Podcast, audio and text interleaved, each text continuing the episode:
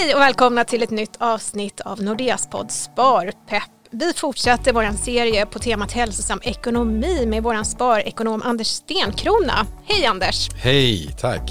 Är det bra med dig? Ja, det är helt underbart. Ja, det är tisdag eftermiddag och eh, ja, lite mörkt ute men vi sitter här i poddstudion. Här är det ljust och fint. Och så blir man pigg om man ska prata sparande, eller hur? Absolut. Jag heter Erika Papagiannopoulou och jag jobbar med kommunikation kring sparande och investeringar. Ja, och i förra avsnittet då pratade ju du om hur man skaffar sig en akutbuffert.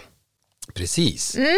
Idag ska vi prata om steg två, betala av dyra lån. Och eh, vi måste ju också tipsa om att vi har en webbinarieserie på samma tema. Och anmälan och inspelningar finns på nordea.se webbinarier. Men välkommen hit Anders. Tack så mycket. Idag ska vi alltså gå igenom andra steget i den så kallade femhinksmodellen, att betala av dyra lån. Berätta lite mer Anders. Tack. Jo men så här, det är ju svårt att bygga en egen förmögenhet om pengarna går till att bygga någon annans förmögenhet. Eh, hinken vi pratar om idag är alltså att betala av dyra lån. Och hinken som ska vara fylld innan dess, det är att du har en akutkassa. Och det är ju så att du inte ska behöva ta några dyra lån ifall det kommer en oväntad utgift. Och grundförutsättningen för hela hinkmodellen det är att du har vridit på kranen genom att spendera mindre än du tjänar så att det rinner pengar till dig själv, så att du sparar pengar. Och på så vis så kan du fylla hinkarna en efter en. Så då ska vi prata om just att betala av dyra lån. Du lyssnar på Nordeas podd Sparpepp. Vi bjuder in intressanta gäster som pratar om privatekonomi, sparande och investeringar. Men det finns ju en hel del olika typer av lån. Ja, jo men det stämmer. Det, det är helt rätt. Alltså, det är alltid från bostadslån till så kallade sms-lån eh, i extremen. Och i vårt samhälle så kan det vara svårt menar, det kan vara svårt att få ihop pengar till att köpa en bostad till exempel helt själv. Och det gör ju att det har blivit nödvändigt att låna om man vill köpa en, en bostad. Eh, och just bolån brukar ju vara ett rimlig ränta eh, om bostaden man lånar till bedöms vara av god kvalitet. Eh, och dessutom kan det vara så att man vill ta ett billån och det är också ganska vanligt med bilen som säkerhet. Och då, då finns det en tydlig plan hur det lånet ska återbetalas. Och även där blir räntan ganska rimlig eller relativt låg i alla fall. Det vi ska fokusera på idag det är konsumtionslån och de kommer i lite alla möjliga olika former och de har i regel ingen säkerhet. Så vad, vad som menas med det är att lånet är alltså inte till för att finansiera köpet av en sak som har ett andrahandsvärde utan helt enkelt till för, att, för konsumtion. Eh, och här ökar ju risken för långivaren och därmed också räntan. Men vad kostar det att ta ett konsumtionslån? Ja, precis. Så det blir normalt sett lite mer än ett bolån. Då, då. Och eh, det varierar ju från olika långivare och beror lite grann också på vem det är som tar lånet, hur kreditvärdig någon bedöms vara. Eh, och Nordeas privatlån, ja, de startar på 5,20. Eh, andra konsumtionslån kopplade till kreditkort till exempel, de, brukar ligga, de kan ligga någonstans uppåt 20-30 procent. Och så har vi riktiga extremer som man brukar klassa som sms-lån, det vill säga relativt små lån med kort löptid de kan ha en effektiv ränta på över 100% eller till och med över 1000% när man räknar med när man, om man räknar, omräknar på årsbasis och med alla utgifter. Så här gäller det verkligen att vara på sin vakt. Vad är det för typ av lån jag tar här? Ja, verkligen. Och du, jag vet att du har en bra definition av ränta, Anders. Ja, precis. Den passar ganska bra i det här sammanhanget. Eh, man brukar säga så här, den som förstår ränta tjänar ränta. Den som inte förstår ränta betalar ränta till den som förstår. Men hur undviker jag att ta dyra lån? Ja, alltså lån med hög ränta, det tas i regel när någon är desperat. När man, när man har en utgift som är större än ens sparkapital och så eh, den utgiften måste liksom betalas omgående. Och här gäller det verkligen att vara på sin vakt. Eh, du vill vara försiktig med att, med att liksom belasta din framtida ekonomi. Så du måste fråga dig själv, den här utgiften som jag nu måste betala, är den verkligen nödvändig? Vad händer om jag väntar? Eh, eller måste jag betala den här saken? Eh, det kanske, är, det kanske till och med är konsumtion som du säger, måste jag verkligen åka på semester? Eh, kan jag lösa det här på något annat sätt? Eller kan jag minska den här utgiften så jag inte behöver ta lika mycket lån? Eller kan jag sälja någonting? Det kanske finns, ja, men det kanske finns något sätt att helt enkelt undvika det här lånet. Så ett lån kan ju se lockande ut Speciellt om man har lite press på sig och säger att oj nu, nu kommer en stor utgift så blir det som räddaren i nöden. Men här gäller det att vara klar i huvudet och förstå vilken belastning lånet kommer vara över tid.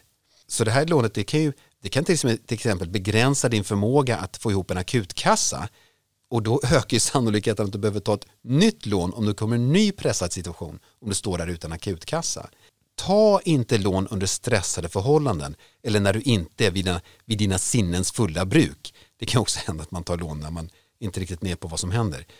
Eh, så utvärdera verkligen, ska jag låta min framtida ekonomi belastas nu? Eh, ja, måste man så måste man, men tänk då efter vad du gör. Mm. Men om det är så att man inte har något val egentligen, om man står inför en sån situation att man måste ta ett konsumtionslån, konkret, hur kan jag tänka då? Ja, det är rätt, ibland händer det. Men jag tänker, jag, vi säger två saker då, två som du verkligen ska tänka på. Räntan och återbetalningstiden, de två sakerna.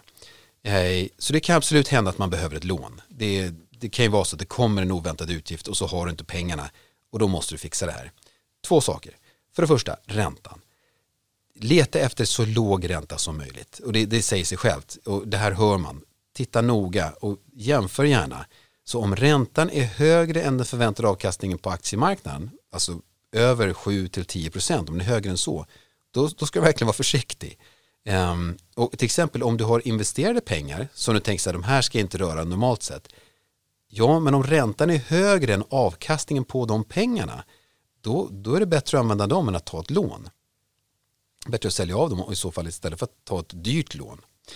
Men okej, okay, det kan ju vara så att du behöver ta det, då det första du gör är att jämföra räntor. Så låg ränta som möjligt är ju, är ju tanken. Nummer två, det är avbetalningstiden. Och då är det så att eh, logiken säger ju det, ju snabbare du betalar av ett lån desto mindre ränta behöver du betala totalt sett. Alltså betalar du av ett lån på ett år, ja då betalar du bara ett års ränta. Men det blir väldigt hög återbetalningstakt så det kanske blir för mycket pengar ut varje månad. Om du väntar i fem år, ja då blir det ju mindre pengar per månad men du betalar ju ränta över fem år. Så om man tar ett, jag skrev ner ett, ett, ett sifferexempel, får jag hänga med nu här. Mm. Alltså, tänk dig så här att du lånar 100 000 kronor till någonting. Det var någonting du behövde göra och det kostar 100. Um, ja, om du betalar det här på ett år, ja då blir det 8 333 kronor i månaden. Alltså 8 333 gånger 12 är ju, är ju 100 000. Och då betalar du alltså ränta eh, under det året ungefär 3 500 kronor om räntan är 8 procent. Nu börjar räkna ett högt konsumtionslån. Så räntan är 8 procent, du betalar amortering 8 300 varje månad och totalt sett under året har du betalat 3 500 kronor i räntor. Om du drar ut på det här lånet i fem år, ja då betalar du bara 1 667 kronor i amortering varje månad. Du betalar alltså av lånet på fem år. Men under de här fem åren så betalar du mycket, mycket mer ränta. Du har, då kommer du att ha betalat 19 000 kronor totalt sett i ränta över fem år. Det är ju mer än fem gånger mer i ränta. Så poängen är här gäller det att hitta en lagom amorteringstid som gör att du klarar av den men som inte resulterar i alldeles för lång återbetalningstid. Så det är det att den som förstår ränta betalar av dyra lån så fort de kan. Men ibland måste man ju ta lite tid på sig för att klara av det. Men var noga med det. Om någon säger till dig, jo men jag kan få ner dina månadskostnader, och vad bra tänker du. Men om det innebär att de förlänger räntetiden eller återbetalningstiden, då kommer det sluta med att du har betalat mycket mer i ränta över tid. Så det här, det här är väldigt viktigt att eh, balansera. Men om det är så att jag sedan tidigare har samlat på mig flera sådana här lån, vad kan jag göra för att minska de här lånen? Ja, precis. Du, du, kan ju sitta där. Det första du gör, bör göra är att försöka omförhandla de här lånen. Och det, det, kanske du har gjort, men det är liksom det första man gör. Sitter du med många lån, du känner att det är, det, vissa är dyra och eh, ja, du kanske kan slå ihop flera dyra lån till ett större lån som har lägre ränta. Och här behöver du prata med en rådgivare och se, går det här att göra? Och går det, och då är det ju toppen. Men om det inte är möjligt, ja, då har du i huvudsak två sätt att återbetala de här. Antingen gör du precis som det står, alltså betala enligt plan, eller så gör du det snabbare. Nu ska jag komma med två sätt att göra det här lite snabbare. Ja, alltså för det första, om du betalar enligt plan, då blir det så att eh, du betalar det som står på pappret och när du betalar, om du säger att du har flera lån, när du betalat av ett av lånen, ja då blir det ju lite mindre kostnader totalt sett i din låneportfölj och de kan du ju konsumera med. Och så kan man ju resonera. Men då tar det ju lång tid att betala av lånen det är betydligt bättre eller mer ekonomiskt att betala av det här snabbare än planerat. Så att i takt med att du betalar av lånen, ja då, då minskar ju din lånekostnad och de pengarna som har friställts, de kan du använda för att betala de andra lånen med. Så att det går fortare och fortare ju mer, ju mer du betalar av dem. Låt säga att du har fem lån och, du, och plötsligt så är ett av lånen återbetalat. Då är frågan vilket av de här resterande fyra ska du nu lägga de här överblivna pengarna på, de som du nu har friställt. Då finns det två liksom, modeller. Den ena mest logiska och rationella det är att du betalar av det dyraste lånet först. Titta på vilket av de här resterande lånen har högst ränta. Där lägger de friställda pengarna, de som just har blivit fria för jag har betalat av ett av lånen. Fördelen är ju då att det, då går det ju fortare att betala av de här lånen och betalar av den med högst ränta då blir du av med den så fort som möjligt och betalar mindre ränta totalt sett. Så det, det är ett väldigt bra sätt att ta itu med det, egentligen det mest rationella sättet. Betala samma mängd pengar, bara att du lägger det på färre och färre lån och så går det fortare och fortare och fortare att bli av med de här lånen. En annan populär strategi är att man betalar av det minsta lånet först. Man struntar i hur, hur dyra de är, man tar det minsta först. Och fördelen med den här strategin det är att det känns bra att lyckas betala av ett lån. Det vill säga att det går ganska fort, eftersom man tar det minsta först så känner man att man fick en liten seger för att man blev av med ett av lånen. Och det ger liksom energi och de pengarna man får över för att man nu har ett lån mindre, det lägger man på de andra lånen och där igen attackera den som är minst summa. Och så fort så blir man av med den och så för varje seger så får man en liten boost att ta nästa och nästa och nästa. Det, det, är lite mindre ekonomiskt kanske än att ta det dyraste först men att få segrar och känna att man får lite vinst och att det händer saker det kanske är värt det för man får, liten, eh, ja, man får lite, en liten moralisk boost så emotionellt så är det roligare att betala av det minsta lånet först. Ekonomiskt och rationellt är det bättre att betala av det dyraste lånet först. Man kanske behöver ha lite delmål på vägen. Ja, men det, det, är precis så att, att, att, få någon sorts eh, tillbaka feedback att nu blev du av med ett lån, nu har du betalat av det här. Det kan räcka för att folk får energi till att fortsätta. Om man tar det dyraste lånet först så kan det vara så att det tar sån tid så man, man, får, liksom, man får slut på gas, man, mm. slutar, man orkar inte. Jag förstår. Men du Anders, om du skulle göra en kort sammanfattning av det vi har pratat om idag, vad tycker du är det viktigaste att skicka med lyssnarna? Mm. Alltså så här, ta dig tid till att förstå konsekvensen av lånet du funderar på att ta. Så att se över räntan och återbetalningstiden och utvärdera vad skulle den totala räntekostnaden vara om jag tar det här lånet. Har jag råd med det? Och då är det så att den som förstår ränta betalar så lite ränta som möjligt. Det här var väldigt bra tips, Anders Stenkrona. Och det här var alltså steg två, betala av dyra lån.